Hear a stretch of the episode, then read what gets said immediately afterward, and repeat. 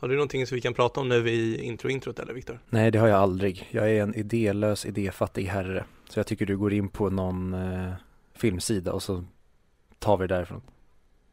Okej, men jag går in på Moviesin då. Ska vi se. Här har vi Snabba Cash, säsong 1. Ja, de, ja, ja, vad kul. De ska göra en tv-serie om en filmserie som vi redan har dragit 71 varv. Skriv något nytt för i helvete. Vi har även Mission Impossible 7 som kommer streamas, kan vi prata om. Eller Paranormal Activity 7, som går direkt till streaming den också. Det är otroligt. Hur många filmserier har man egentligen som har klarat sig upp till film 7? För Mission Impossible tror jag, jag har inte sett, tror jag de typ två eller tre senaste.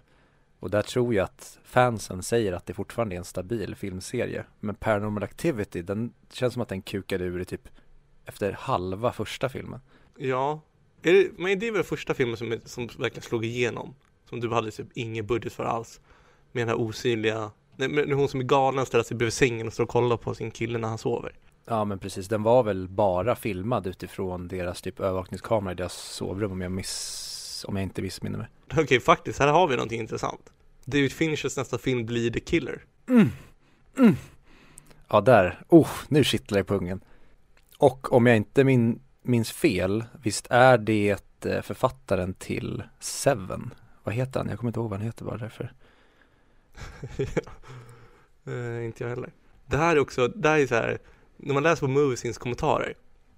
Folk hatar ju PK på, i Moviesins kommentarer och när filmer gör PK, vilket många hatar, vilket är förståeligt. Men, men det, är, det är kul att de vet ju precis hur de ska snärja den här gruppen. När de, de skriver eh, titeln Char Char Charlie Theron hoppas på lesbisk Die Hard.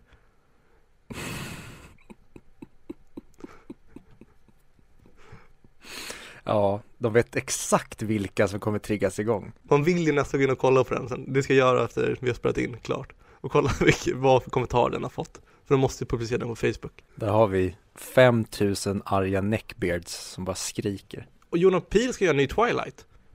The Twilight Zone.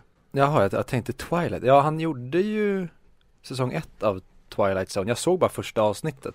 Jag kommer inte ihåg om han regisserade det eller om han bara producerade.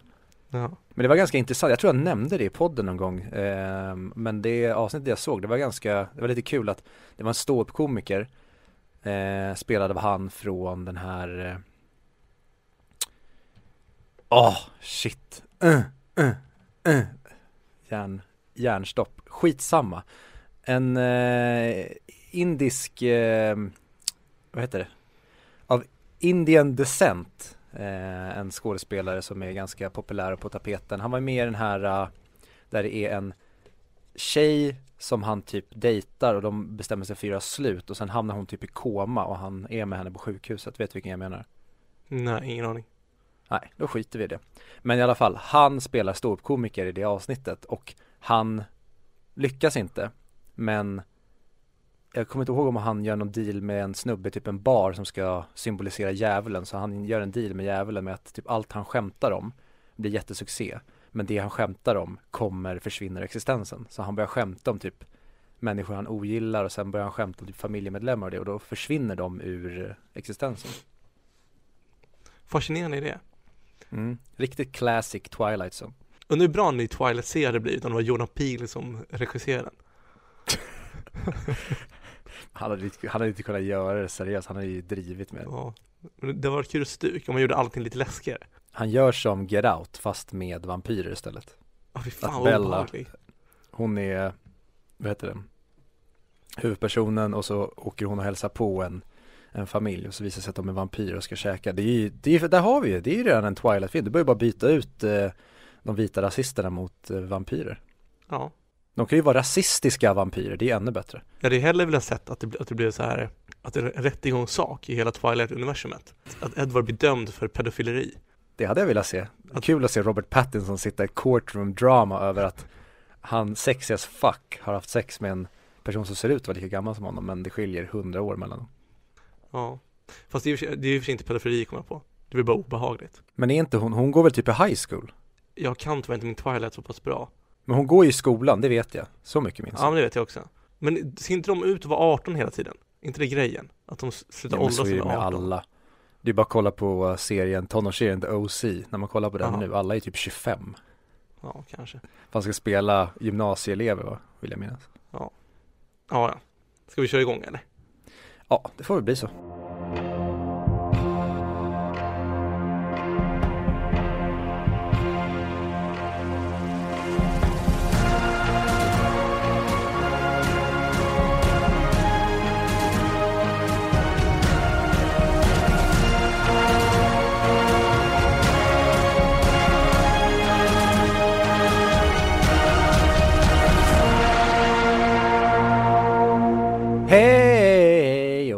välkommen till 100 Mic Podcast Podcasten som görs i samarbete med Moviesin.se Vi är podcasten som pratar upp IMDBs topp 100-lista men inte Charlie Chaplin Verkligen inte Charlie Chaplin. Jag var inte beredd. Nej, jag ville bara, jag ville bara chocka Jag ville bara chockera Ja. Nakenchock eh, Jag heter som vanligt Viktor och med mig som vanligt har jag Eh, Fredrik, Obehagligt för de som, det här är första gången de lyssnar får jag slänga in en liten request att vi autotunar våra todöva stämmor? Jag kan inte göra det Ja, nej, jag vet inte hur man gör, men vi kan kolla. Det borde finnas någon schysst ljudfilter men eh, vi lovar inget men eh, nu vet ni varför det blev som det blev.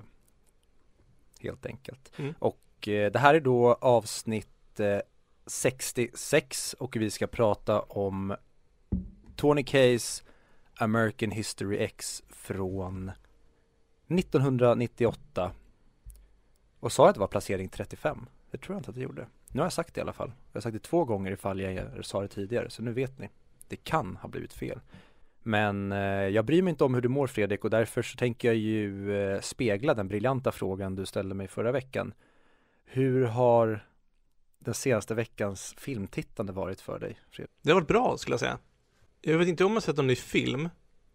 Men det har varit lite Parks and Recs. Kollade på Netflix-bannade avsnittet Advanced Dungeons and Dragons. Eh, som co- community har gjort. Ja, där eh, Chang har blackface. Ja, han klär sig till Night Elf, eller vad det är? Black Elf. Mm. Otroligt avsnitt. Det är ju alltså, det är klass med deras eh, paintball-avsnitt tycker jag. Mm. Är det säsong tre också? Säsong två. Ja ah, okej, okay. ja, säsong två och tre tycker jag det är through the roof humormässigt. Ja, det är helt sinnessjukt. Men jag har ju kollat igenom tre nazifilmer nu egentligen. Förra veckan såg vi ju The Pianist och jag kollade också på Jojo Rabbit. Eh, så Jojo Rabbit är väl den nya som, jag- som jag har sett. Och sen nu American History X. Så mycket nazism.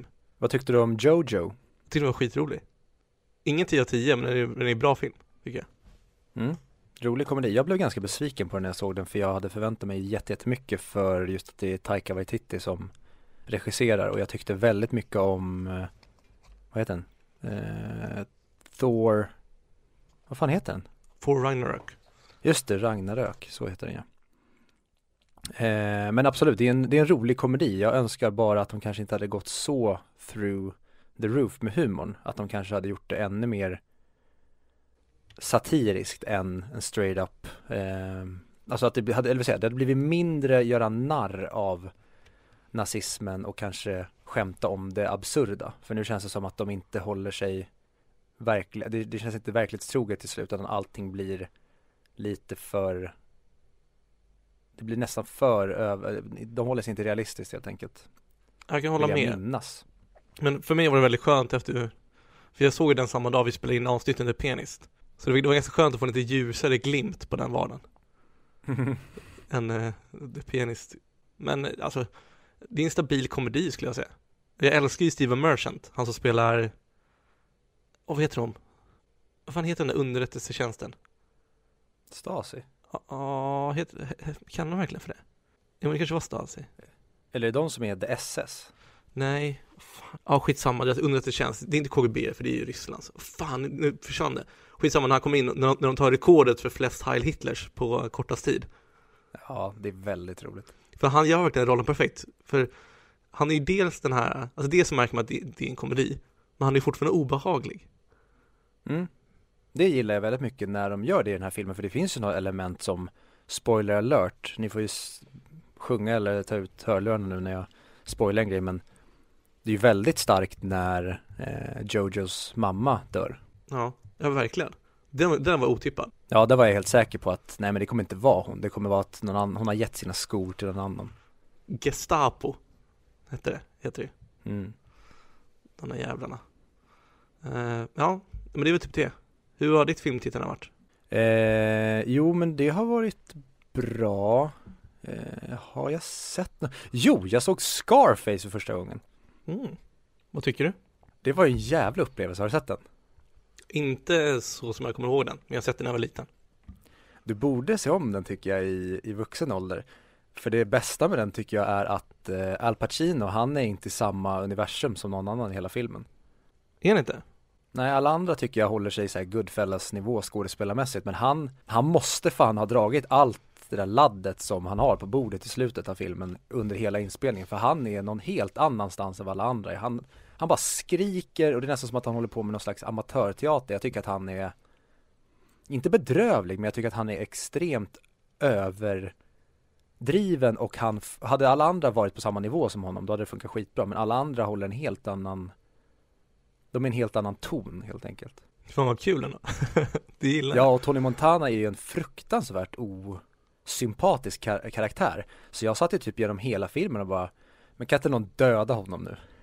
Och så bara fortsätter och fortsätter och han bara fortsätter och kör och kör och är arrogant och det funkar och sen så, ja, i slutet så dör han men eh, han är så jävla pumpad av kokain så att han dör ju inte direkt utan han står ju där och bara fortsätter Trots att han har typ 20-30 kulor i sig. Ja, det är ju lite Det är en ikonisk scen. Ja. Say hello to my little friend. Ja. Mm. Nej men det är, jag, jag förstår ju att den har blivit så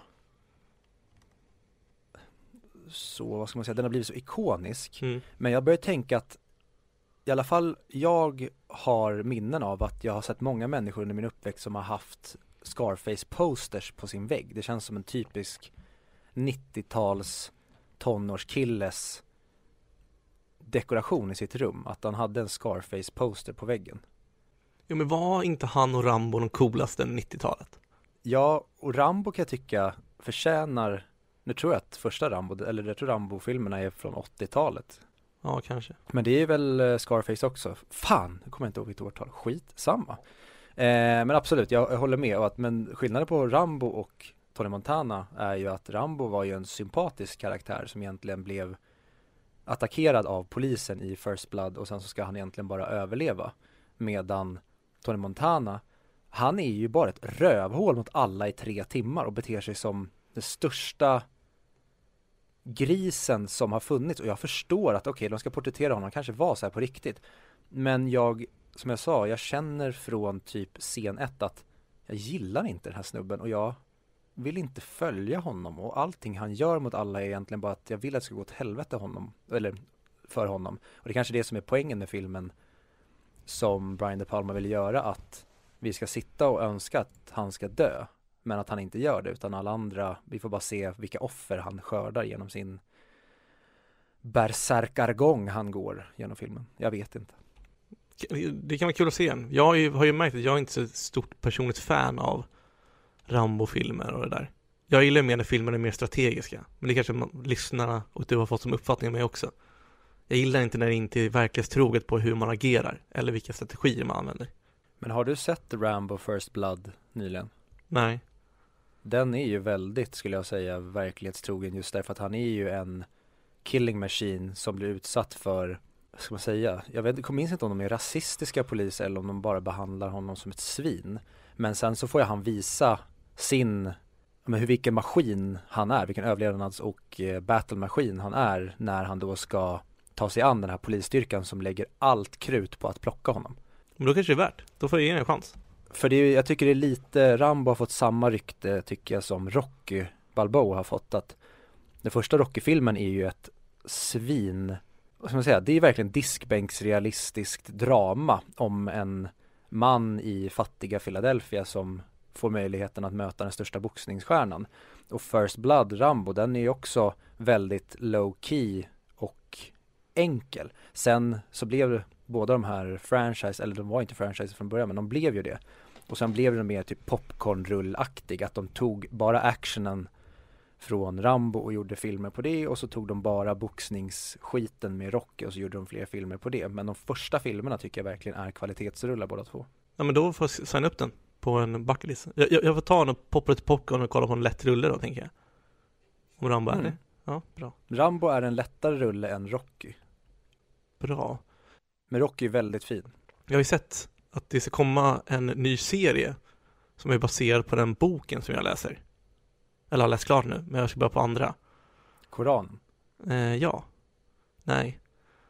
Eh, det, den heter The Three Body Problem. Som är sci-fi trilogi av en eh, kinesisk författare som jag inte kommer namnet på. Som är otroligt bra. Men har inte du pratat om den här boken tidigare? Men har inte jag gjort det till dig personligen då? Har jag gjort det i podden? Ja, jag vill minnas det, men jag kan ha fel. Men eh, så nu håller jag på att stressa igenom en av de här böckerna. För jag vill läsa klart dem innan serien kommer. För jag vill, jag vill kunna vara en av de som säger att boken var bättre. Men måste du se serien direkt när den kommer? Kan du inte bara läsa i den, det tempot du vill för att njuta av boken och sen ser du serien när du Jo, känner dig redo? kan jag väl också göra. Men eh, man vill ändå vara en av de som ser serien först. Jag förstår. Om jag inte minns fel så tror jag, och oh, det här kommer att säga fel, att det är samma personer som gjort Game of Thrones som ska göra den. Oh la la. Jo, det, det låter bekant nu när du säger det. Ja, Det ringer en klocka. och då tänker jag att, för jag menar, säg vad man vill om, om deras sista säsong. Men när de faktiskt la tid på det så gjorde de ju fan bra material. Och skapade Mm. en bra jävla serie. Sen har jag faktiskt hört från folk som har sett om hela Game of Thrones när den är färdig. Och även sett om Game of Thrones med personer som aldrig har sett det. Och de personerna, dels den som har sett hela serien tidigare men ser om den i helt sve- ett svep när den är klar så säger han att säsong, den sista säsongen höll väldigt mycket bättre eh, nu när man har hela storyn och bara kan bara plöja igenom den än vad den gjorde när man hade väntat på säsongen och hade jättehöga förväntningar. Men han såg den också med en eh, person som aldrig hade sett Game of Thrones och hon reagerade inte ens på sista säsongen. Hon tyckte den höll samma nivå som resten av serien. Så det kanske var att man var skadad där och då, hade för höga förväntningar och tyckte att de hade lovat mycket mer än vad de sen gav oss på slutet. Men jag är lite sugen på att se om Game of Thrones och se om sista säsongen faktiskt kanske är bättre än vad man minns. Men jag vet inte om jag pratade om det i podden eller om det var innan. Men min, mitt tycke var hela tiden att Alltså det som hände har inget problem med, men jag tycker att allting hände för snabbt. Mm. Eh, och sen så är det är synd, för jag kollade på ett annat på, på YouTube-klipp med en kille som, är, som forskar i antika strategier. Det pratade jag om förut ju. Mm. Och, då, och då pratade vi, och det hade varit kul om man hade typ anammat sådana här saker mot eh, frostzombisarna. Mot White Walkers när de attackerar Winterfell. Och då, trots det, förlora. Det, alltså, sådana saker hade ju varit så mycket bättre och så mycket mäktigare. Om de gjorde strategiskt rätt. För jag tycker slaget är otroligt snyggt tycker jag. Många klagar på att vara mörkt. Jag tycker det ska vara mörkt för det är, det är så det ska vara utformat. Men att de, det är synd att de, att de här att de inte gör strategiskt rätt, för det försämrar ganska mycket tycker jag. Mhm. Nej, jag hade bara problem med att de De gick egentligen inte den vägen jag tyckte att serien hade lovat oss men Mm det är också mina förväntningars fel och jag tycker ju egentligen att det de gör i sista säsongen är ganska balt men just det där mörkret som du pratar om, jag tycker att också att det gör ingenting när den går mörkt men problemet som jag har hört många klaga på var att det var så mörkt så att mångas tv-apparater alltså när de hade tv-apparaterna kalibrerade utan någonting annat så såg de inte vad som skedde och då blir det ju ett problem om inte, de, man måste ju ändå göra en produkt som funkar på alla typer av skärmar eller i alla fall den lägsta nivån på skärm måste det vara okej på. Ja, kanske. Jag har inga problem, så jag kan börja Så jag utgår bara från mig själv och jag har alltid rätt, så Ja men det, jag köper den teorin. Tack. Fredrik-teorin. ja. Fan vad. Utgå bara från dig själv och du har alltid rätt. Men fan vad dumt att välja sitt förnamn. Om man ska döpa en teori efter sig själv. det kan vara Ja, vem är som helst. han eh, Fredrik Nietzsche? Eller är han, ah, Fredrik Mercury? Eller, Fredrik Virtanen? ja, ja, nej, nej, nej, nej, nej, det är Fredrik Billberg. Ah, the greatest thinker of all time. Ah, why didn't you say so? Ja, ja. Men eh, från en stor tänkare, du Fredrik, till en annan stor tänkare i form av Forrest. För du och jag har ju nu sett klart Alex Garlands sci-fi serie Devs eller Deus som man också kan välja att kalla den. Ja, och för er som inte har sett den så uh, gå och se den först. Skit i vad Viktor sa, för det kanske är spoiler. Jag tror inte det. Men de, de visste inte att det var spoiler om du inte hade sagt något. Ja men det spoilar ingenting. Vi klipper bort För det trodde jag när serien kom, då var jag osäker på om serien hette Devs eller om den hette Deus i och med att det gamla latinska tecknet, alltså V också går som, eller går som ett U, jag kan, jag kan inte min latin men att just Deus, när du ser det typ i en kyrka, då står det Devs. Så jag trodde från början att serien hette Deus, men sen när de började prata om det i serien så var det, ah, okej okay, det heter Devs och sen så spoiler alert så visade det sig att ah, det var Deus ändå. Oh my god, oh my god. Mm. Men jag är så, den har 7,7 på ENB as we speak. Mm. För mig är det här typ en 9,5. Oh, shit. Så jag, Berätta, jag, vad, vad gillar du? Ja, what not to like. ja men dra, dra handlingen lite då. Okej. Okay. Alltså, det som det är så svårt för det är så mycket lager i handlingen. Men, men kort sagt är att vi får följa en person som heter så mycket som Sergej. Sergej, så heter han, tack. Som då jobbar på ett företag tillsammans med hans tjej som heter Lilly. Lilly. Eh, de jobbar då på ett företag som är störst i världen på kvantumdatorer. Och har många olika avdelningar, allt ifrån eh, vad heter det, decryption till eh, bygga AI eh, till att alla de här de senaste inom teknologin, branscherna. Men de har också en väldigt eh, unik avdelning som kallas Devs som är väldigt hemlighetsfull och ingen känner till vad de e-, egentligen gör. Eh, Medan han Nick Offermans karaktär som heter Forrest som har skapat och äger företaget hela tiden hänvisar devs till development. För det måste alla företag han, ha. Han är ju lite som deras Mark Zuckerberg. Exakt. Eh, och då får man egentligen följa Sergej och resten av karaktärerna de, de dyker djupare och djupare ner i det här kaninhålet. Vad är devs? Vad gör de för något? Samtidigt som det här utforskar en av de mest intressanta filosofiska tankarna och teorierna någonsin. Ska vi säga den? Alltså vi får folk att titta ja, på men jag tycker vi diskuterar spoilerfritt för det är svårt att säga annars ja. vad vi tycker om serien. Så kör på. Men just om determinism, cause and effect. För det, för det de har byggt, för er som inte orkar se serien så kan jag gå igenom det. De har alltså byggt en dator som har samlat in alla variabler i världen som behövs för att kunna förutspå och eh, för, för att kunna förutspå framtiden och för att kunna spåra tillbaka i tiden till vad som har hänt. Det vill säga, deras argument är att bollen rullade för att någon knuffar den. Genom att räkna ut tyngden på bollen, material på bollen, luftmotstånd, vilken hård, eh, så här, och så hur fort den rullade så kan man räkna ut till vilken kraft den blir knuffad med. Och för att vilken kraft den blir knuffad med, då kan man räkna tillbaka det där. Man kan säga luftpartiklar som trycks åt sidorna, Okej, det måste vara en hand, handen måste vara så här stor, och så vidare, och så vidare, och så vidare. Så har man tillräckligt detaljerad information så kan man förutspå allting som händer och som har hänt. Och det är en sån algoritm de håller på att bygga i serien, i Devs-avdelningen. Mm, och Forrest är ju, han vill ju bygga det här för att hans dotter har dött och företaget heter Amaya, vilket är hans dot döda dotters namn. Och han vill ju då se till att få den här maskinen att funka så att han på något sätt ska kunna få tillbaka sin dotter. Det är egentligen hans mål.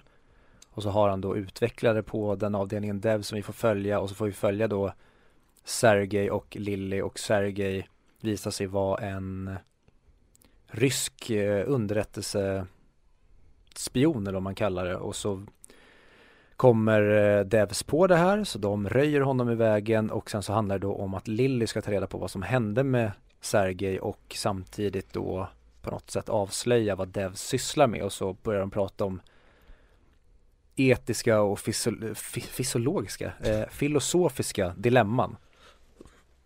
Ja, exakt. Jag tycker att mer så behöver vi inte gå igenom för en. Nej. Vad tycker du? Jag blev väldigt besviken. Eh, jag, jag, tycker att hela konceptet, jag tycker att eh, serien är skitsnygg. Jag gillar Nick Offerman. Eh, jag gillar verkligen eh, utvecklarnas karaktärer. Nu kommer jag inte ihåg vad de heter. Men den här Lyndon och Stewart.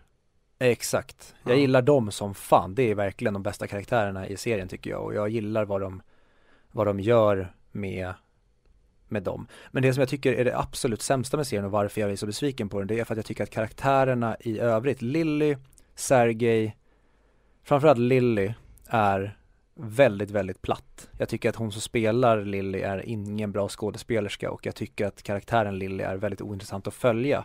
Så jag tycker, jag ville hela tiden vit, vi, eller jag var väldigt investerad i serien på det sättet att jag ville veta vart vi var på väg och vad vi skulle landa i. För att Alex Garland har alltid haft superintressanta idéer i både Ex Machina och i Annihilation tidigare och då visste jag att det kommer vara någon jätteintressant AI, eh, leka gud eh, kombinationsteori här som han kommer göra i ett intressant dramakoncept. Men just att följa Lilly och även eh, hennes ex-kille, vad hette han nu igen? Jag vill säga Liam, men det heter han inte. Anyway, hennes ex-snubbe som hjälper henne med att då försöka röja Devs hemligheter. Båda de två är otroligt platta och ointressanta karaktärer tycker jag. Och det tog mig ur hela upplevelsen för jag märkte att jag tog upp telefonen väldigt ofta när det bara var massa relationssnack och när man skulle tycka synd om Lilly och få sympati för henne. Så den delen tycker jag är väldigt överflödig och felkastad till att börja med. Jag tror att en bättre skådespelerska och en bättre skådespelare som hennes ex-snubbe hade kunnat göra det här mycket mer intressant. Men jag tycker just avslutningen och vad vi landar i serien är briljant och det älskar jag. Men tyvärr är resan dit ibland långtråkig utav bara helvete. Och det är väl därför jag är besviken. Men jag landar typ i, jag tycker att det är en 7 av 10 serie. Nästan en 4 av 5. Men jag var för uttråkad. Mm. Ja, men jag kan förstå Och vad gillade du? Eh, jag hade inte samma problem med skådespelarna, men jag förstår exakt vad du menar. Eh, det var lite små saker man störde sig på också, men jag älskar konceptet att man tänker hela tiden, men testa bara bryta mönstret. Testa att, gö- att gå ifrån. Och inte göra det som de ser att de kommer göra. Mm. Men det är lite där som är, det är det som är teorin och det- är jättesvårt att förstå för oss människor hur det fungerar tänker jag. Men det går inte. Det går inte att bryta mönstret. Nej, och där kan jag känna i slutet där när de, för spoiler alert, de lyckas få igång den här maskinen så att de kan se exakt vad som kommer att ske. Men så kommer de nå en viss tidpunkt där de inte kan se längre. Eh, men då måste de låta allting ske. Och där blir då eh, chefen då, Forrest och hans eh, assistent, de blir som någon slags slavar under det här och bara låter det hända. Och där tar då Lilly på sig beslutet att hon bryter den här eh, Alltså den, den terministiska banan som de har fått se spelas upp i- genom den här simulationen. Men det komiska då är ju att precis samma utfall sker ändå. Bara att det blir som en slags liten avvikelse men bollen hittar tillbaka till samma bana ändå. Ehm, och jag tycker det är väldigt intressant det där med att de de försöker inte ens att bryta den utan de, de bara säger att de nästan hänger sig till determinismen och bara det som kommer ske kommer ske, vi kan inte göra någonting åt det. Medan Lilly då ska vara någon slags att, ja men det är klart att bara, hur kan du veta att vad som kommer ske? Om du säger till mig att jag ska gå dit ikväll, men då kommer jag bara inte gå dit ikväll. Mm. Och det är ju det är, det är en sån kittlande tanke. Mhm. Och det jag älskar med också är att de visar att det går att bryta den. För Lilly lyckas ju. Som de säger. Så det går ju att bryta den men samtidigt inte. Mm. Men det är också en sån sak, det är ingen som vet. För om det går att bryta så är inte ekvationen tillräckligt bra. Har du en perfekt ekvation så går det inte att bryta den.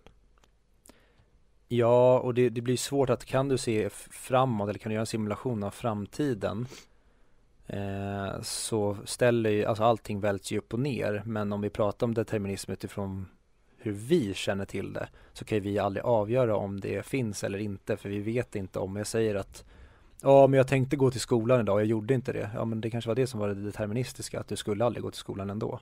Att vi vet inte vilka Om vi är fast i det här mönstret och bara kommer att åka med i det eller om vi faktiskt kan förändra saker. Men det är det som är det intressanta i den här serien att de utforskar ju faktiskt vad som händer när vi kan simulera en potentiell framtid. Mm. Ja, men är, jag tycker de är väldigt bra på att inte använda konceptet så mycket. Just att de har den här, Mm. de har en väldigt diffus regel där, att man, man får inte titta fram i tiden, vilket alltså Forrest och hans assistent gör ändå. Men de, äh, Katie heter hon tror jag. Men Mm. de andra får inte göra det, så deras test är att de alltid blickar tillbaka. Och det är så cool grej när de visar tycker jag.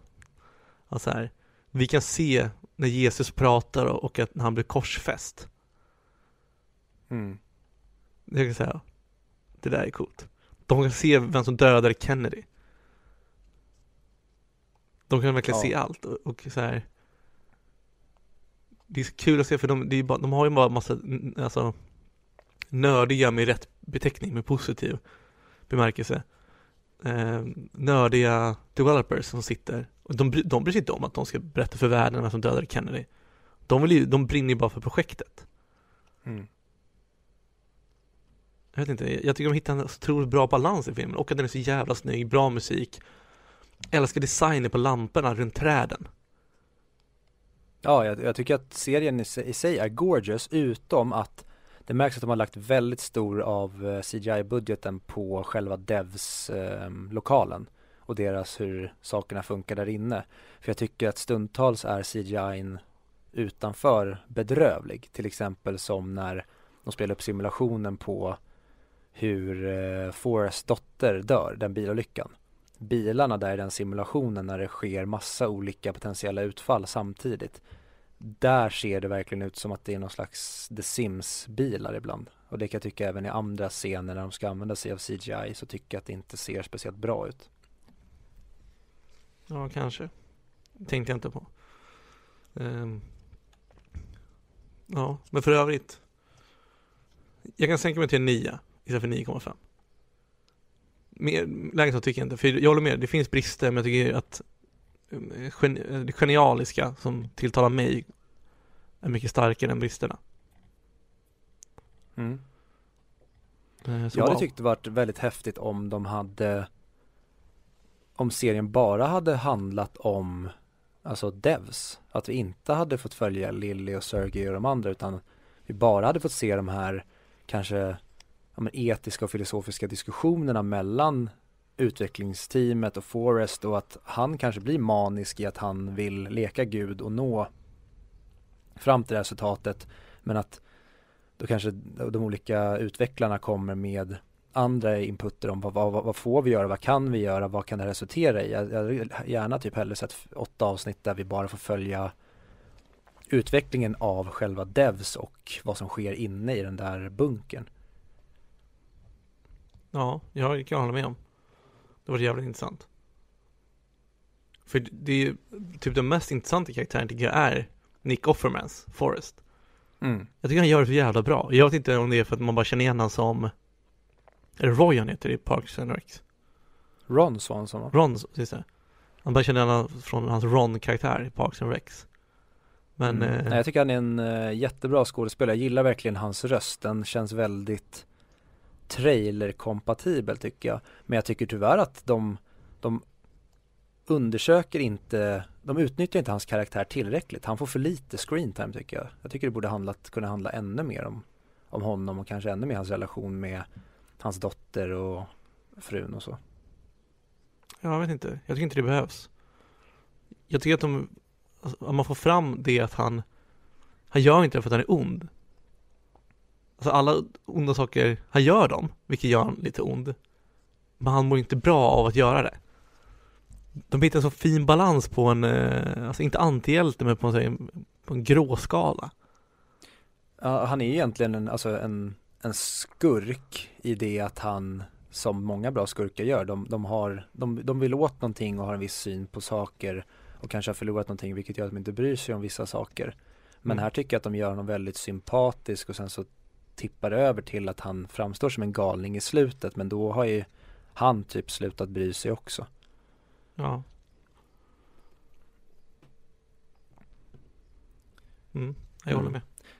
Men eh, från en man som har slutat bry sig till en annan man som man skulle kunna säga har slutat bry sig slash bryr sig för mycket att det spiller över i hat.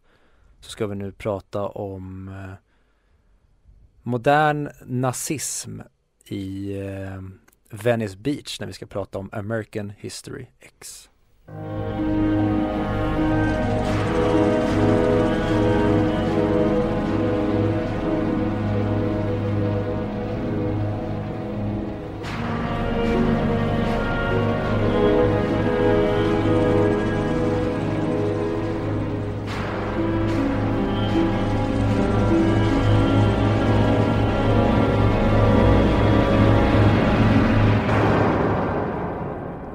Och av någon anledning fick jag lust att göra en göteborgsk dialekt men det kommer jag inte göra. Ska du sjunga? Jag kan beatboxa.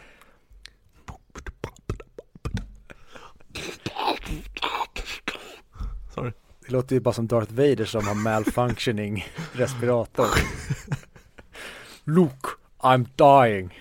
Ja, anywho. Vi har då kommit fram till veckans film och den här veckan så ska vi prata om Tony Kays Oscars nominerade nazistiska drama från 1998. Vi ska prata om American History X med Edward och Edward i huvudrollerna. Edward Furlong och Edward Norton.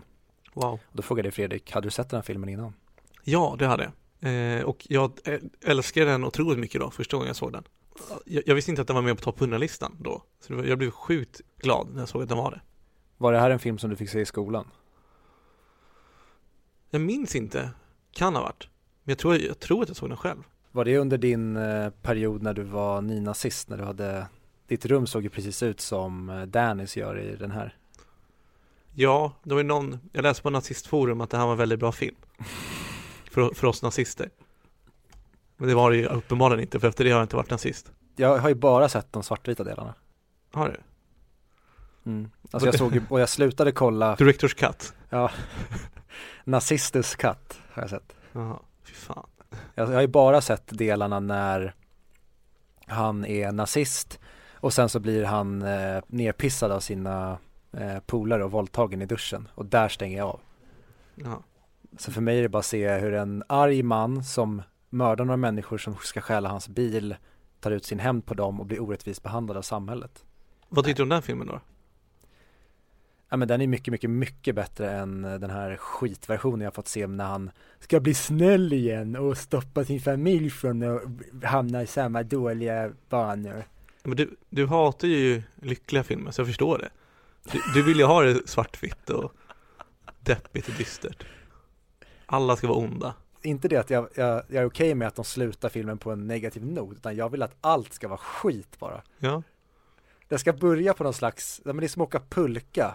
Ska bara börja där uppe, sen ska vi åka ner, ner, ner och så slutar det med att man åker rakt in i ett träd och slår ihjäl sig. din favoritscen från Django Unchained är när hundarna äter upp den ena slaven. D'Artagnan. Ja, det är, det är en scen du brukar kolla på YouTube ibland. Då sitter jag, då sitter jag som eh, Leonardo DiCaprios eh, karaktär och bara Yeah! Hemskt. Men äh, hade du sett Ja. den andra versionen också innan? Ja, då den, eh, den slutliga versionen som det då blev för att den här filmen har ju varit, den var ju kantad av extremt mycket problematik. Tony Kaye då som är regissören, han kom från reklamfilmsvärlden. Eh, David McKenna som skrev manuset då, eh, de på något sätt parades ihop Tony Kaye och David McKenna och så skulle Tony Kaye göra den här filmen. Och från början så var det så att eh, Tony Kaye ville ha med Jacqueline Phoenix i rollen som eh, Derek. Mm. Men eh, Jacqueline Phoenix tyckte att det här ämnet var för smaklöst och vidrigt så han tackade nej till den. Mm. Och då gick då New Line Cinema som producerade den här filmen, de gick bakom ryggen på Tony Kaye och anställde, anställde då eh, David McKennas kompis Edward Norton som, han var en young and rising star helt enkelt som de plockade in och Tony Kaye ville enligt vissa rykten inte ens ha honom i den här rollen. Men eh, han kom in och sen så gjorde de den här filmen och den filmen är enligt Edward Norton beskriven som att de var inne i någon slags, det här var ett guerrilla mission. Det var väldigt jobbigt att spela in, det var mycket strul.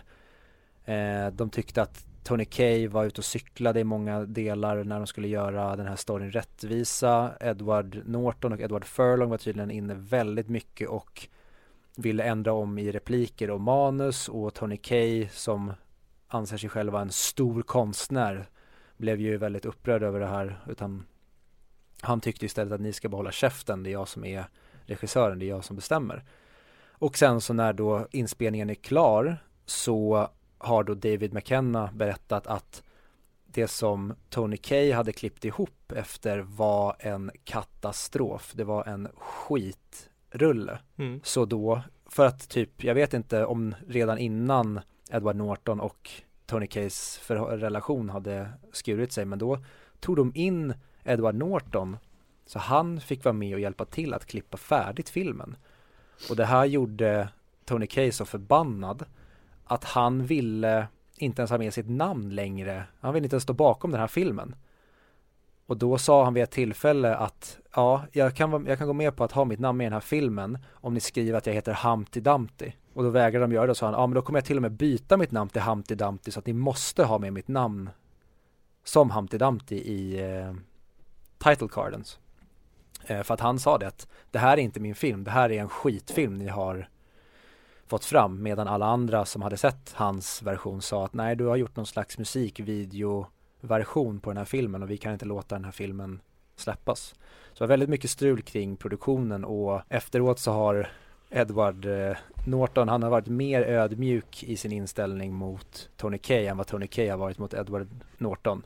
För han har uttryckt att Eh, Edward Norton är en narcissistisk eh, person som bara bryr sig om screen time och sin image och den där babianen eh, förstörde min rise för att bli en av Hollywoods stora regissörer. Ja, Tony Kaye verkar ju ha något skruvlös. Ja, han hade tydligen eh, dykt upp på någon filminspelning efter det här. Två veckor, om det två månader efter 11 eh, september hade han kommit dykt upp på en inspelning klädd som Usama bin Laden. Och där tackar vi Tony Kaye för hans eh, input på det här. Ja, Men... han har inte gjort så mycket filmer efter det här. Han har gjort, det är en film jag vet som är väldigt hyllad som heter Detachment med förra veckans hjälte Adrian Brody. Jag har inte sett den, men den ska tydligen vara väldigt bra. Men jag tror han typ har gjort tre, fyra filmer totalt. Jag, jag tycker också det är kul att eh, Edward Norton ändå tackar nej till Saving Private Ryan för att göra den här rollen. Vilket jag är glad att han gjorde, för jag tror inte den här filmen hade varit så bra utan honom.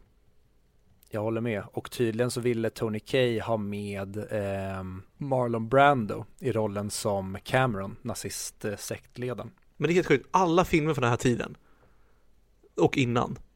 Det står alltid där, åh men någonting till att ha Marlon Brando med. Hur jävla stor var han? Han var ett jävla monster. Fan ska man, vem ska man jämföra med idag? Alltså, jag vet, jag vet ju inte i och med att jag inte är jättekunnig när det kommer till Marlon Brando, men jag tror att det är lite så här som, han kanske har samma rykte som typ Jacqueline Phoenix. Han är den bästa skådespelaren, men han kan vara lite problematisk att arbeta med kanske. Och han kanske, hans filmer kanske inte alltid drar in the big buck. Nu har kanske han har motsatt sig det i och med att Joker blev jätte, jätte framgångsrik. Ja, det är intressant i alla fall. För jag läste en annan trivia på hur de ändrade slutet. Vi kommer komma dit ändå, men jag kan nämna nu så vi kommer ihåg det till dess. Originalet var att, eh, att Derek står framför spegel och rakar av sig eh, håret på huvudet igen. För att visa att hatet föder hat och det är en endless cycle of violence. Alltså efter att Daniel har blivit mördad? Ja, efter han blev skjuten.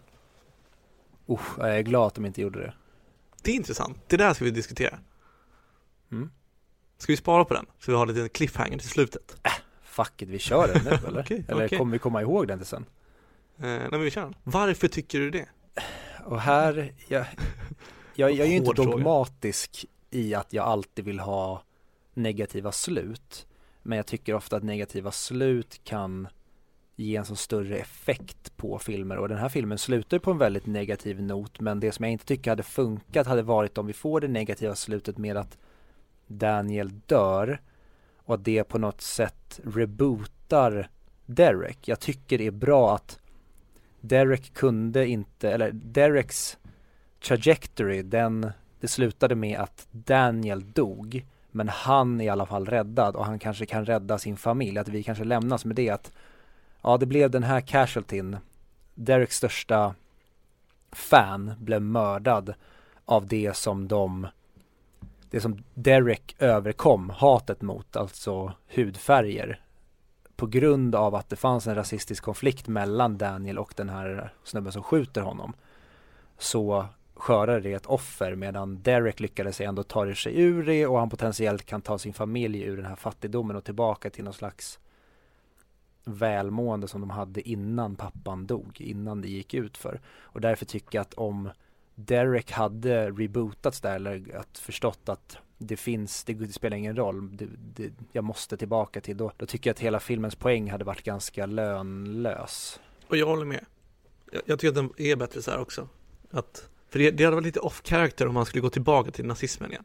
Ja, och det, jag såg en intervju med han som eh, den här filmen är baserad, eller som Derek är baserad på, en eh, Frank Mink. Ja, precis. Mink. Och han sa just det att man, man, man måste, och det är därför jag inte tycker att det hade funkat filmmässigt, för det är inte som att du programmeras och sen så bara är det som att någon slår på en knapp eller stoppar in ett nytt operativsystem utan förändringen måste komma inifrån och det är det Derek visar den här att han han når liksom breaking pointen i fängelset och därifrån så bygger han upp så att han är en ny person. Det är inte bara att han har lagt på en, ett, han har inte lagt på smink på det gamla utan han har verkligen förstått skiten med det gamla och slängt ut det. Och bara för att det sker någonting väldigt tragiskt på grund av rasism eller vad man nu ska skylla eh, mordet på så blir det inte som att han bara så här error, error, error, måste tillbaka, oj, måste vara nazist utan han är ju fortfarande, han har ju förstått att allt det där är åt helvete sen så finns det fortfarande, det är väldigt komplicerat att han kommer ju fortfarande inte bara gå tillbaka och säga jag ska tillbaka till kulten för min brorsa blev fucking mördad, nu, ska, nu är det na nazis som gäller igen det, det känns för platt och för enkelt att det hade sabbat resten av filmens komplexitet som jag ändå tycker att den har. Ja, jag håller med. Vill du gå igenom lite snabbt vad filmen handlar om? Eh, ja, den handlar ju om, vi får ju då följa, det är, eller vi får se dåtid och vi får se nutid. Den nutiden, då är allting i färg och sen får vi se dåtid och vad som har skett och det är då i svartvitt. Och vi får då se, filmen börjar med att vi får se tre svarta män bryta sig in i en bil och det är en ung pojke som ser det här. Han hämtar sin brorsa som har en hakkorstatuering på bröstet. Den här snubben stormar ut, skjuter ihjäl de här Eh, och sen så får vi då se att det här slutade med att han hamnade på kåken och den här lillebrorsan då som sprang och hämtade honom har på något sätt radikaliserats in i samma tänk som den här nazistiska brorsan hade. Brorsan sitter på kåken men under tiden har lillebrorsan radikaliserats. Och film, eller det börjar egentligen med att storyn tar vid samma dag som Derek, storebrorsan, kommer ut ur fängelset. Och vi får då följa Eh, Daniel då, lillebrorsan, som får då en uppgift av sin lärare att efter han har skrivit en eh, bokrecension på Mein Kampf så får han då ett uppdrag att innan morgondagen ska han skriva en ny grej och det ska vara mer kopplat till relationen till hans brorsa. Och sen så får vi då följa vad som sker under det här dygnet egentligen med flashbacks tillbaka på vad som hände med Derek, hur han gick från en duktig, ambitiös talang till att radikaliseras in i nazismen och bli en eh, potentiell eh, ledare över eh, någon slags eh, Venice Beach eh, nazistfilial. Det tycker jag är bra beskrivet. Tack. Eh, alltså jag älskar uppbyggnaden av filmen. Mm. Hur de lägger pusselbit efter pusselbit som ger en aha förklaring. För den har ju nog bland den det kanske jag sagt tidigare också, men bland de otäckaste scenerna i en film. När han lägger tänderna på kanten, på trottoarkanten och sparkar in hans huvud. Alltså ljudläggningen där, när tänderna nuddar trottoarkanten. Ja, jag får rysningar bara tänka på det. Det gör ont. Men jag älskar också, alltså Dereks, hur han ser ut i början, alltså i svartvita tiden, kontra när han kommer ut och har hår. Mm. Hela hans kroppsspråk, hans blick blickar och allting. Jag tycker det är så jävla bra gjort. Fan, det, är- man ser verkligen att han har förändrats. Jag håller verkligen med. Det är som Edward Norton gör med de här verkligen två vitt skilda karaktärerna Derek eh, när han är nazist och Derek när han har blivit, vad säger man, när han har blivit eh, avradikaliserad. Det, det är verkligen två helt olika personer och det tycker jag Edward Norton gör så briljant. Men det är också, det visar verkligen hur jag, vet, jag jag tycker filmen, den känns så enkel och kort fast ändå är den inte så kort. Den är lagom lång, den är, den är två timmar. Mm. Det, den, den, den är under en dag med flashbacks. Där man egentligen får se hur han kunde förändras under sin tid i fängelset. Hur han kom dit och hur han kunde förändras. Eller förändras. Ja, och där tycker jag ju att just det som man fick läsa om konflikten i klippningen, att klippningen är ju en av filmens starkaste bitar tycker jag, hur man får de här små nuggetsen hela tiden som i inledningen av filmen, då får du inte se trottoarkantsscenen, utan den kommer senare. Mm. Du får bara se när han skjuter dem i början. Och sen så kommer vi tillbaka till den här scenen så du får se mer och mer av den och jag älskar det här med hur du får små nuggets hela tiden, att vi korsklipper konstant så att vi som du säger, vissa delar förstår man inte riktigt. Jaha, hur kommer det att det är så här? Och sen så får man se, aha, okej, så det här skedde. Och det här skedde, okej, och nu, sker, nu sker det här. Och, att man hela tiden får små stoff från höger och vänster, från dåtid och nutid som knyter ihop den här storyn så man förstår hela pusslet i slutet. Ja, exakt. Men jag älskar de här sakerna också som att han eh, Pappa Geller är väl? Murray. Jack eller? Ja. Ja. Eh, hur han säger då, som ändå ska vara en, en utbildad människa. Att båda de här två bröderna, they are, eh, they're not within hope. Alltså det, går, det kommer inte gå att förändra dem. Mm. Så ändå etablerade är de. Och hur de ändå visar att det är precis det här som, det är så de är på Flashback, nazisterna. De är vältaliga, de kan föra argument. Det går ju inte att resonera med dem ofta. Och det är precis som det är under den middagen. Eh, när de pratar om övervåldet från polisen eller vad det var. Mm. Det är så otroligt fint, eller snyggt. Fint är det inte. Det, det är otroligt snyggt visat. Mm. Det tycker jag är filmens bästa scen, den eh, när de äter och eh, Derek kukar ur när han till slut trycker in maten i käften på syrran och det slutar med att pappa Geller lämnar.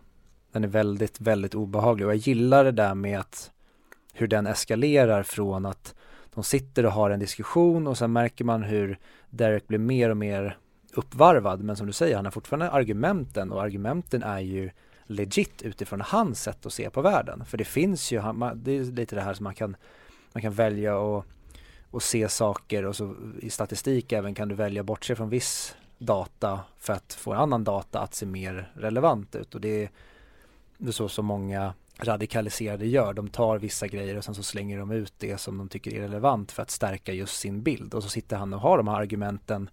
Och plus att han är väldigt övertygande, självsäker och ja men till slut så när han märker att han inte får medhåll så blir han mer och mer känslosam och då slutar, där argumenten tar slut, tar liksom våldet vid. Och jag tycker det blir så otroligt starkt när han nästan gör en nazismens superman reveal där han ställer sig upp och sliter av sig skjortan och så är han the nazi Derek när han har sitt, sin tanktop och muskeln, mus, musklerna flexar. Då blir det verkligen att oj, nu är han verkligen fullvuxen naziman här.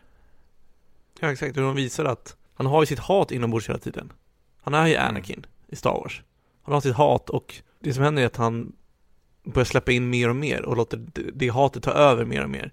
Det är därför det helt plötsligt blir att han knuffar in, eh, vad fan heter han, Danny.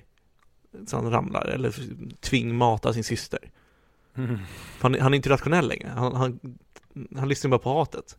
Och sen när han lugnar ner sig själv och trycker undan det här hatet som ändå finns hela tiden. Det är då han ber om ursäkt, säger nej jag skulle aldrig göra er illa. Ja, kul. Jag, jag såg eh, The Room i helgen. Där satt den va? Nej. Oj! My God. Ja, det, det borde vi typ göra ett specialavsnitt om. Eh, men jag såg den för 71 gången. Det där är så roligt den scen men det är svårt om du inte har sett The Room så blir det svårt att förklara för den är, man måste uppleva The Room, man kan inte förklara The Room. Men då så är det att en kvinna ljuger om att hennes snubbe har slagit henne. Och han har inte slagit henne. Men när, när han konfronterar henne och säger It's not true, I never hit you.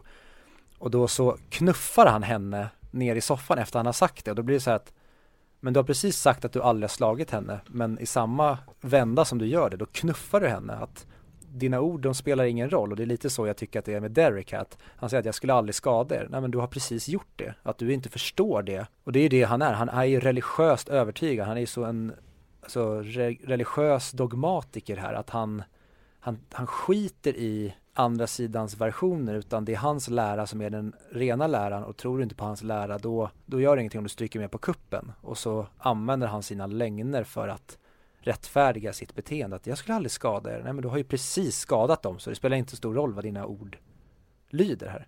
Nej, men det måste vara så jävla utmattande att vara så jävla hatisk hela tiden. Jag lyssnar på um, en uh, psykolog som har pratat om det här med, uh, ja men det är så många missar kring depression. Många tror att depression handlar om att du bara har negativa känslor men att det även kan vara att du inte känner någonting alls. Du är likgiltig för någonting. Och då förklarar den här psykologen att, att man ska inte underskatta negativa känslor för det innebär att du fortfarande känner någonting och det är fortfarande en väldigt stark drivkraft. Man ska inte underskatta likgiltigheten.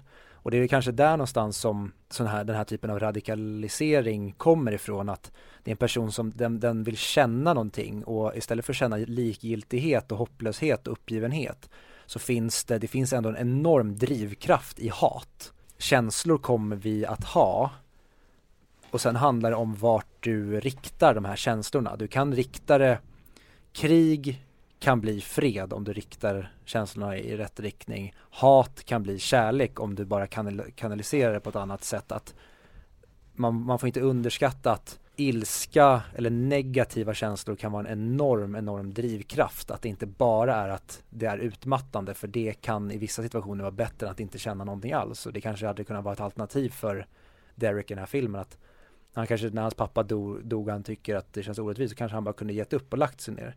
Men där hittar ju han en drivkraft och någonting som motiverar honom men att det råkar vara i fel riktning. Lite som om du tar kriminalitet att kriminella är ju oftast väldigt ambitiösa och har en väldig drivkraft. Det är bara att den drivkraften är kanaliserad i fel riktning istället för att göra någonting bra och bidra till samhället och kanske arbeta hårt inom en, en laglig kontext så gör man det inom en annan mer underground version men det är fortfarande ambitionen finns ju där. Det är bara vilken riktning man väljer att rikta det här.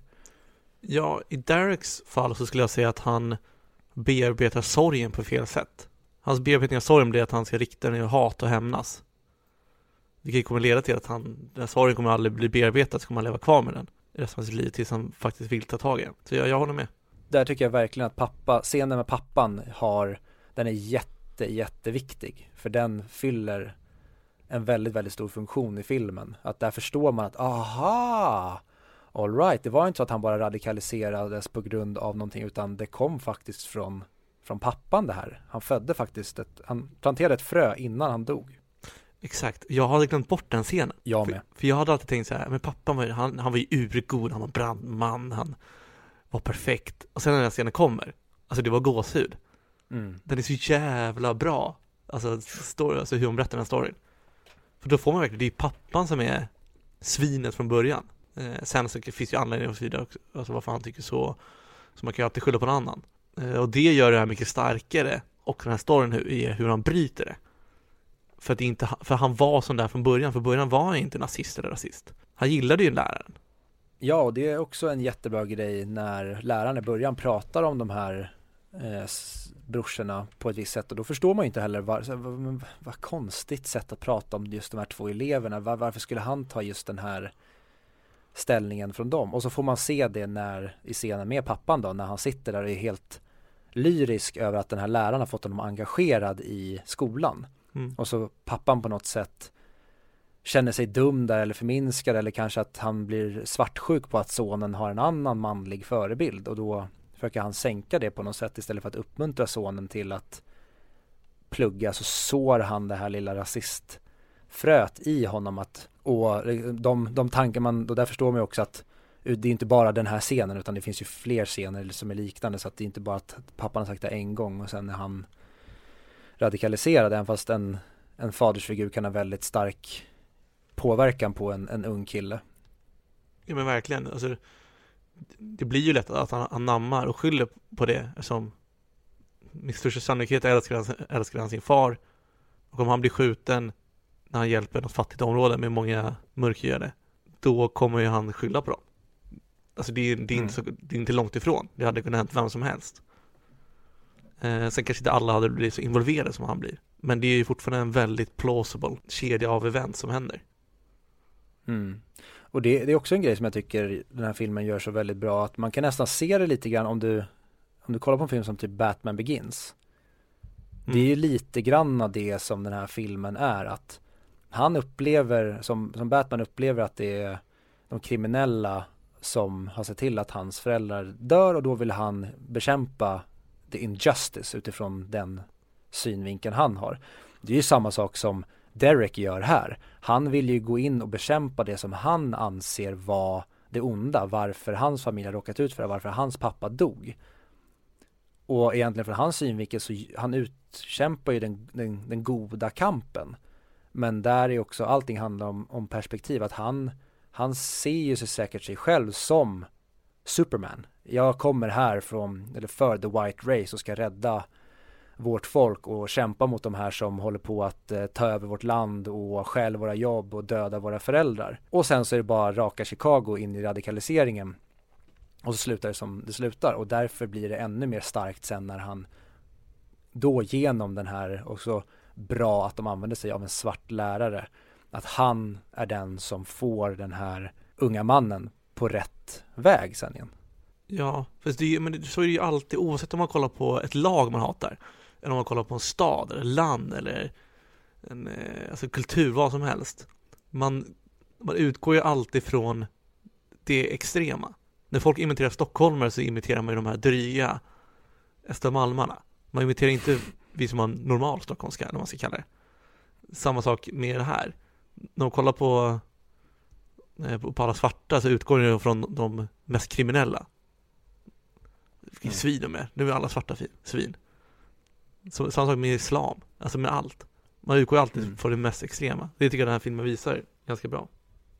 Ja, och jag tycker verkligen att den här filmen, den är, även fast den är 20, över 20 år gammal, så är den superaktuell idag. Men mm. det, när vi ser med polariseringen i samhället, där vi har en, en högerflank som man hör står och skrika att allting är invandrarnas fel, de kommer hit och gör bla bla bla bla bla. Och sen så har vi en, en vänsterflank som säger att allting är vita heterosexuella mäns fel, att det blir återigen de, de håller på med samma, de leker samma lek som Derek och de leker i den här. Bara att de har två, de, har, de kommer från sina perspektiv, perspektiv och så är det hela tiden extremer. Allting handlar bara om att göra allting så extremt istället för att man är mer nyanserad och är faktiskt det som jag skulle säga nästan är essensen av hela filmen är att det finns nyanser i allting. Saker är mycket mer komplicerade och det blir så himla himla farligt när man framförallt när man pekar på en hudfärg eller liksom framförallt yttre attribut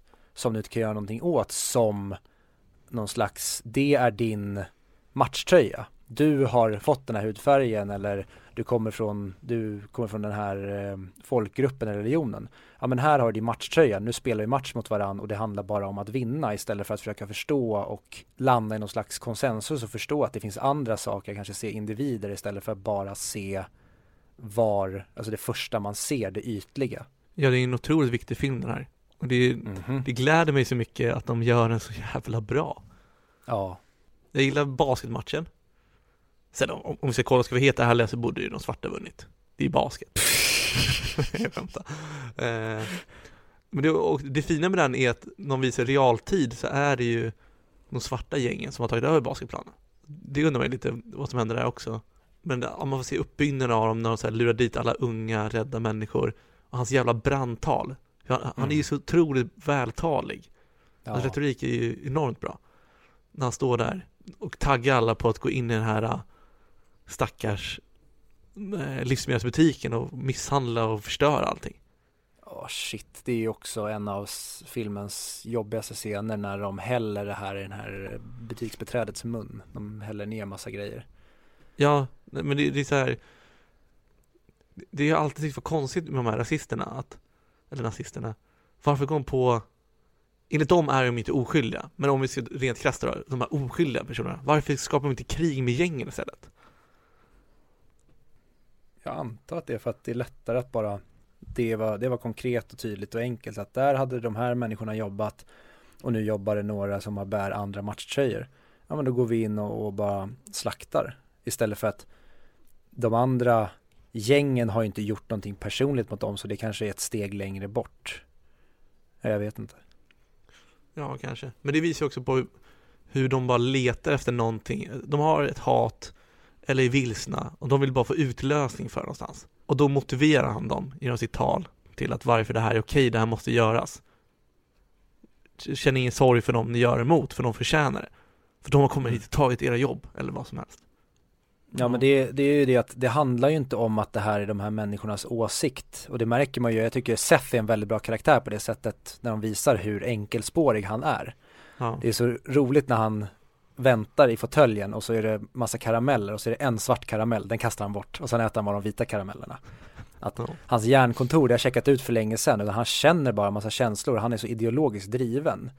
Men de här människorna de har nog inte suttit ner och funderat ens över varf, varför det är så här. De vill bara hitta en tillhörighet och de hittar en tillhörighet över att de också är upprörda över någonting och så har de hittat en tydlig fiende som de kan skylla på. Den där, det är deras fel att det har blivit så här. Om du kollar på, ja men idag där, när många rekryteras ner till IS. Det är inte så att det är människor som har suttit och varit, eh, ja men humble muslimer som helt plötsligt bara ja nu ska jag radikaliseras och åka ner till IS och fightas. Många har inte ens en bakgrund inom alltså, islam eller har varit troende eller någonting utan de, de vill bara radikaliseras in i någonting, en tillhörighet, kämpa för någonting, hitta en fiende och så är de de här människorna som över, de är lätta byten för de här experterna på att rekrytera och radikalisera unga människor som bara försöker hitta en tillhörighet och någonting att kanalisera sin ilska mot.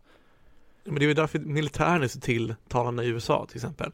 För där får du ett brödraskap man inte kan få någon annanstans tror jag. Mm. Där, och, och du, du har ett väldigt enkelt liv. Alltså du har syfte, du har ett mål, du har gemenskap och du får den här, det här bandet, det här brödraskapet. Mm. Så jag kan verkligen förstå att folk blir dragna till militären och har jättesvårt att lämna den. Eh, vad, men vad tycker du om att de gör det svartvit när de blickar tillbaka? Jag tycker att det funkar kanonbra. Det är den gamla Filmskole-Viktor får ju lite småbånga här när det var lite coolt och balt med lite artsy och det skulle kännas lite indie-filmiskt och det och det tycker jag verkligen att den filmen gör. Den känns väldigt lågbudget och nästan som att den är gjord som en indiefilm. Och det tycker jag verkligen mycket om. Jag gillar också, jag kan gilla David Fincher-filmer väldigt, väldigt mycket när det blir påkostat och det ser väldigt snyggt och crème de la crème ut men jag gillar också det här och när det här är bra för ibland kan när man går och där det ska uppfattas som lite artsy man tar bort färgen det kan det lätt bli skitnödigt och kännas som att det är en pretentiös jävel som håller på och försöker göra någonting här men jag tycker att filmen den höjs av att de skiftar från färg till svartvit snarare än att det blir någon någonting som drar ner den eller bara ett eh, konstnärligt val. Jag gillar verkligen det. Vad tycker du? Mm. Jag tycker det funkar också. Jag har inga, inga problem med det alls. Jag tycker det är snyggt. Det känns verkligen som då och nu då på något sätt. Men jag kommer precis att tänka på en scenerna som jag tror att jag refererat till en gång tidigare. Men som jag verkligen kommer ihåg från första gången jag såg den också. Det är när, när han är på toaletten och röker. Eh, sonen, eller lillebrorsan, Danny. Mm. Och eh, de här tre svarta står och mobbar killen som skvallrar på dem. Mobbar och misshandlar honom. Ja, men det behöver inte vara sådana. Och när han bara röker honom i ansiktet och står där står upp för sig själv, eller vad man ska kalla det. Det är ju en jävligt cool scen. Även när ena killen, den ena svarta killen, du vet såhär, slår bort cigaretten när man gör. Också coolt. Jag, jag förstår ju det, de här ungdomarnas, alltså hur de suktas efter att vara så här coola och kreddiga. Så när han ställer sig på basketplanen och ska kaxa och sen när de kollar på honom så ställer han sig upp bara för att visa, jo men det är, det är jag. konsekvenstänket är inte alltid med där. Nej. Sen är det synd att han inte ska kunna förstå liksom att han bryter mot eh, leken och tar med en pistol in till skolan och ska skjuta dem på toaletten. Det är onödigt. Men där tror jag att när han ser honom på basketplanen där Ja. så sitter det en äldre snubbe och jag tolkar det som att den äldre snubben typ så här, ja men nu ska du vara med i vårt gäng. Eh, den här snubben får inte behandla dig så här så att det nästan är som att gänget har gett honom i uppdrag, alltså för att han ska bli en made man så måste han utföra det här och knäppa honom. För jag tycker att det känns som att så fort han har knipp, knäppt honom så känns, ser han nästan livrädd ut. Jag tror också det är något sånt. Att han pushas till att göra det. Eller att han vill Mm. imponera på dem. Ja men precis, det är no någon faktor av att liksom samma sak där, att det finns ju en, en annan, att det, samma gängproblematik finns ju på det andra laget inom citationstecken att hatet och den här radikaliseringen och gängtillhörigheten är lika problematiskt oavsett vad, det, vad vi pratar om för ideologi, om det är nazism eller om vi pratar om eh, kommunism eller vad fan det nu än är, att, eller om det är kristendom eller islam eller vad det än är, dogmatism och radikalisering och det här hatet eller bygga upp fiender i alla dess former är så extremt farligt. Och det är det jag tycker filmen berättar på ett så jätte, jättebra sätt. Och därför jag tycker att den här filmen borde vara, precis som vi pratade om förra veckan, den här filmen borde också vara mandatory i skolan, att eleverna ska få se för att förstå om man också då som en lärare kan vara duktig på att förklara de här mekanismerna, att man inte bara ser den här filmen och sen så kanske 10% bara, åh fy fan vilken cool nazist, så där ska jag också bli, att man man gör det respektfullt och ordningsamt så att man inte riskerar att folk missuppfattar historiens eh, typ sensmoral. Mm, verkligen. Det är, det är mycket roligare sätt att lära sig om nazismen också. Och om Ja. ideologier, att kolla på en välgjord film än att läsa en historiebok. 100 procent. Ja, och jag, jag minns själv att jag tyckte, jag tyckte alltid att det var tråkigt att läsa om framförallt historiska grejer för att jag, man kunde aldrig, det var en lärare som kunde sätta det i en bra kontext eller få mig att förstå. Men där har jag ju all historia och det som jag har lärt mig, eller många ämnen som jag har lärt mig det jag har lärt mig om, det har ju kommit från att jag har sett en film där jag tyckte att oj, vad är det här för intressant ämne? Aha, ja det är på riktigt, aha right, ja men då ska jag kolla upp mer om det och så har jag läst på det. Så att, att film är en väldigt bra, i alla fall för mig som är, tycker väldigt mycket om film, det tror jag många andra kan vittna för också för att film är ett väldigt lätt media att ta till sig. Att det är ett väldigt Mm. lätt, eller ett väldigt bra verktyg för att så frön i personer och sen så forskar man vidare på det och då, då kan man börja läsa om saker. Eh, ja, jag håller med. Jag tycker det är, det är en väldigt simpel historia, berättad på ett otroligt, berättad på ett mer komplicerat sätt. Just att de Mm. väljer vad de ska visa, vad ska de avslöja för varje ny akt, eller vad man ska kalla det. Mm. Just som att de lägger till trottoaren andra gången. Och sen i slutet så chockar de mig plötsligt med att pappan var också rasist. Ja, Det är en bra historia som bara utvecklas mer och mer och mer. Och fy fan vad man känner för honom. När han tänker sig att okej, vi är på rätt bana, jag, jag har gjort mina misstag, men vi är ändå på väg åt rätt håll, det börjar bli bra. Och sen är han mer oskyldiga, inte helt oskyldig, men mer oskyldiga lillebrorsan blir skjuten i slutet. mm. Det är så jävla stort slag i magen. Ja, verkligen. Det känns som att, nej men vad fan. Bara, vi hade ju löst det här. Det var ju lugnt. Och jag gillar verkligen hur de gör med eh, Dereks paranoia där. När det svänger upp en bil och han tror att det är han som ska bli knäppt. Ja, Men så visar det sig att nope, det var Daniel som skulle bli knäppt istället. ja. Hade det inte varit väldigt roligt om de, någon hade gjort en, för jag tror att Edward Norton, han känns som en skön snubbe, så jag tror att han kunde gå med på det. Tänk om de skulle göra en komediversion, eller i alla fall en sketch, där det är American History X 2, där du säger, som du sa, att han rakar av sig håret igen och blir nazist. Och att det, allt de gör väldigt, det skulle kunna bli väldigt rolig humor på det. Att han är tillbaka i, i de nazistiska spåren, han ska bli sams med gamla gänget igen och hitta tillbaka till det gamla. Ja, kanske. Men betyg då? Ja, det behöver bli dags. Vill du börja? Ja men det kan jag göra. Man får nästan bara släppa, släppa ratten och så får vi åka dit vi åker nu på den här listan när vi börjar nå toppen. Men det här är en 10 av 10 film för mig. Jag tycker att den är, den gör allt det den ska göra och lite mer. Jag tycker att Edward Norton är helt briljant. Jag tycker hur de har klippt att det är helt briljant. Vi har inte ens pratat om fängelsedelarna med den här, hans eh, kollega som han jobbar med och viker lakan och kalsonger. Hur han får honom att förstå att det finns mer än raserna eller etniciteter. Och när han, de då blir polare, det tycker jag också är otroligt fint hur han till en början bara står där och kniper käft och är hård.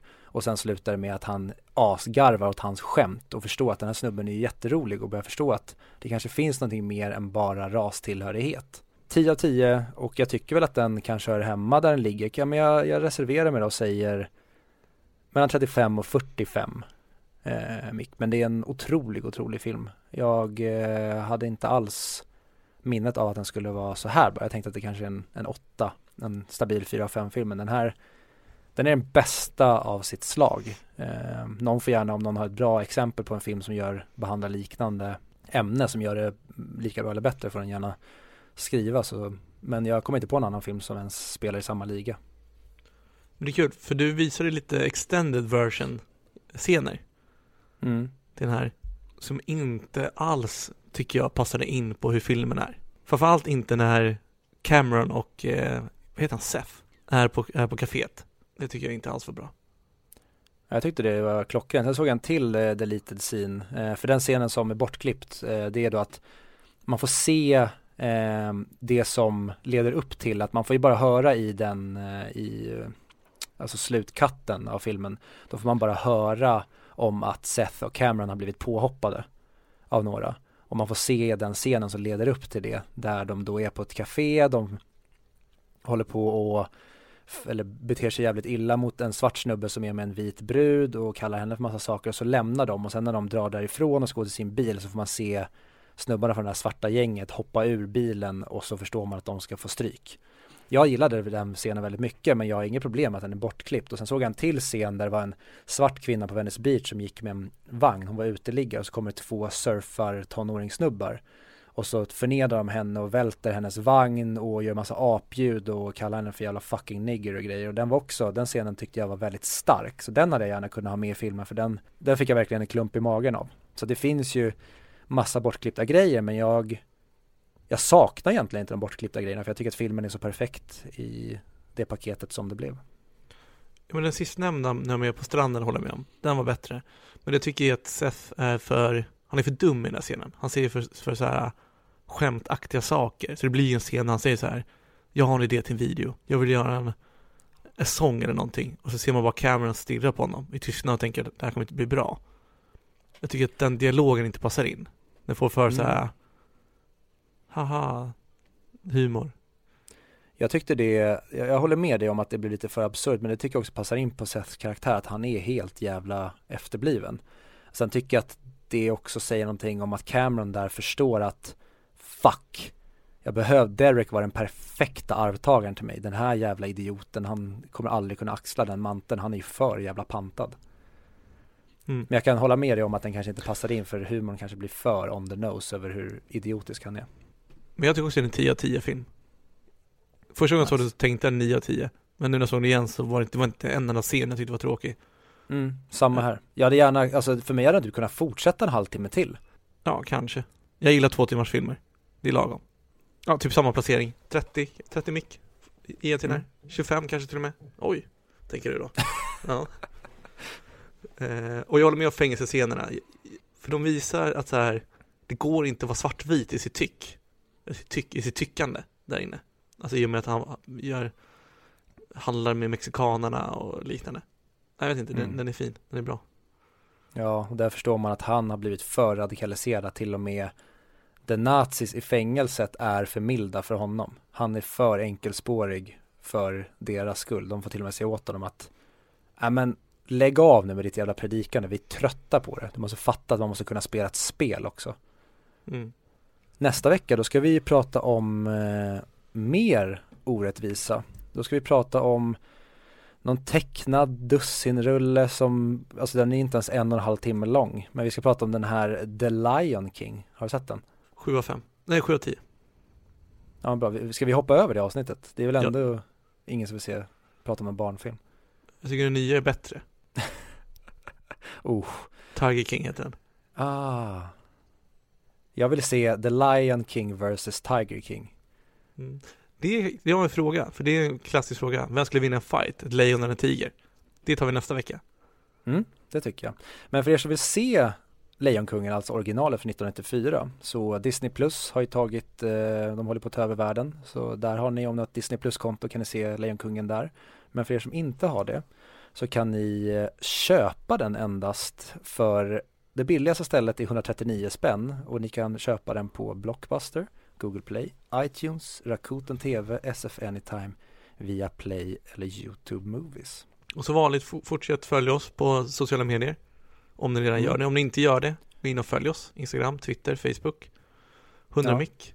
För, för att tacka Niklas Ottosson för hans, när, han, när han rättade till din, dina felaktigheter, Viktor. Ja, ja, ja. När du sa Saoirse Ronan, så är det rätt. Ja, bra.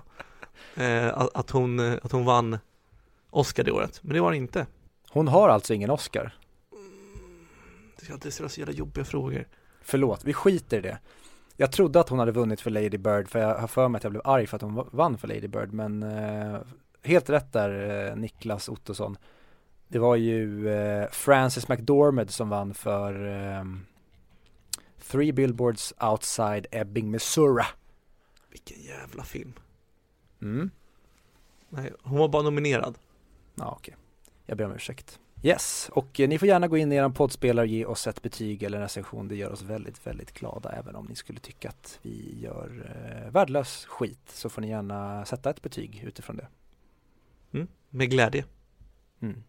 Men eh, då säger jag Nazi goodbye, imorgon ska vi prata om Lejonkungen istället för nazism. Ha det bra. Hej då. Hej.